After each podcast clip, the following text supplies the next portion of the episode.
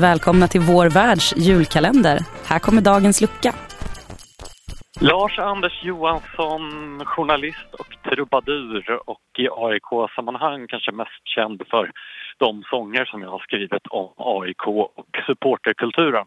Det är få minnen, inte bara kring AIK utan överhuvudtaget som kan konkurrera med guldfirandet 2009 på Lillgamla Ullevi som jag ju också har förevigat i en visa som heter Ullevis gräs.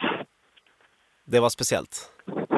Ja, det var verkligen speciellt. Och eh, 2018 års guldfirande i all ära, men det var ju mest en lättnad eftersom det kändes som att vi hade allt att förlora nere i Kalmar medan på Lilla Ullevi så hade vi allt att vinna istället. Nej, det var fantastiskt. Det finns ingenting som kan mäta sig med det.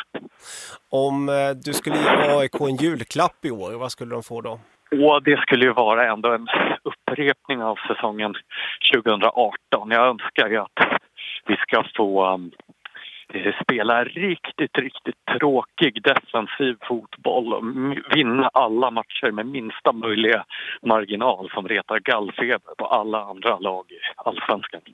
Om du skulle önska en gäst, vem skulle det vara? Och, eh, jag har funderat mycket kring den här frågan men jag skulle tycka det var roligt om då min gamla hjälte Bernt Hulsker kunde ringas upp och tillfrågas om sin alltför korta karriär i AIK och hur han armbågade sig fram genom allsvenskan. Det tror jag skulle vara värt att lyssna på.